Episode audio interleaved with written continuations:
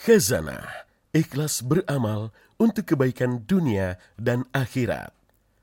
Sesaat lagi kita akan simak program kajian pengantar rehat, menebar risalah iman. Assalamualaikum warahmatullahi wabarakatuh. Selamat malam sahabat kajian pengantar rehat yang dimuliakan Allah Azza wa Jalla. Dari kotak penjara yang gelap, tanpa penerangan, tak juga sebuah lentera, sinar matahari menembus satu lubang kecil dan membuat imaji terbalik.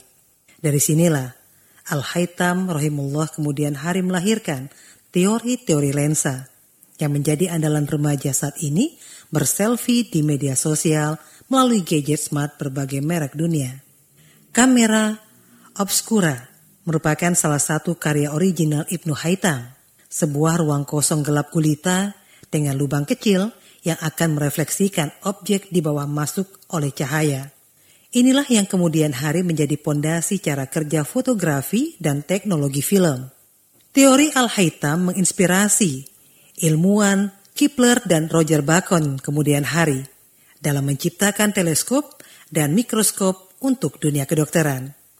Bernama lengkap Abu Ali Muhammad bin Hasan bin Al-Haytham dan di kalangan ilmuwan barat mengenalnya dengan Al-Hazen. Lahir di Basro, Ita pada tahun 354 Hijriah di era kehalifaan Abbasiyah. Penemuan teori cahaya Al-Haytham membawanya pada penelitian berikutnya, yaitu mata.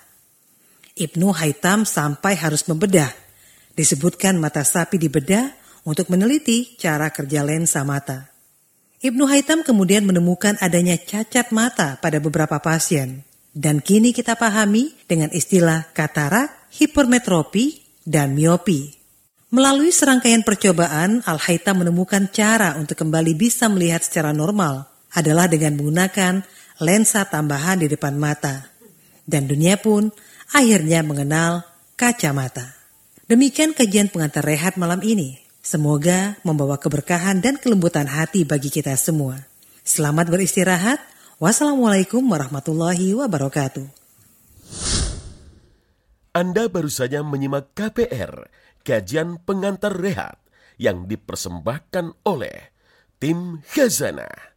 Silahkan di-share seluasnya Semoga menjadi inspirasi dan amal kita semua. Barakallahu fikum.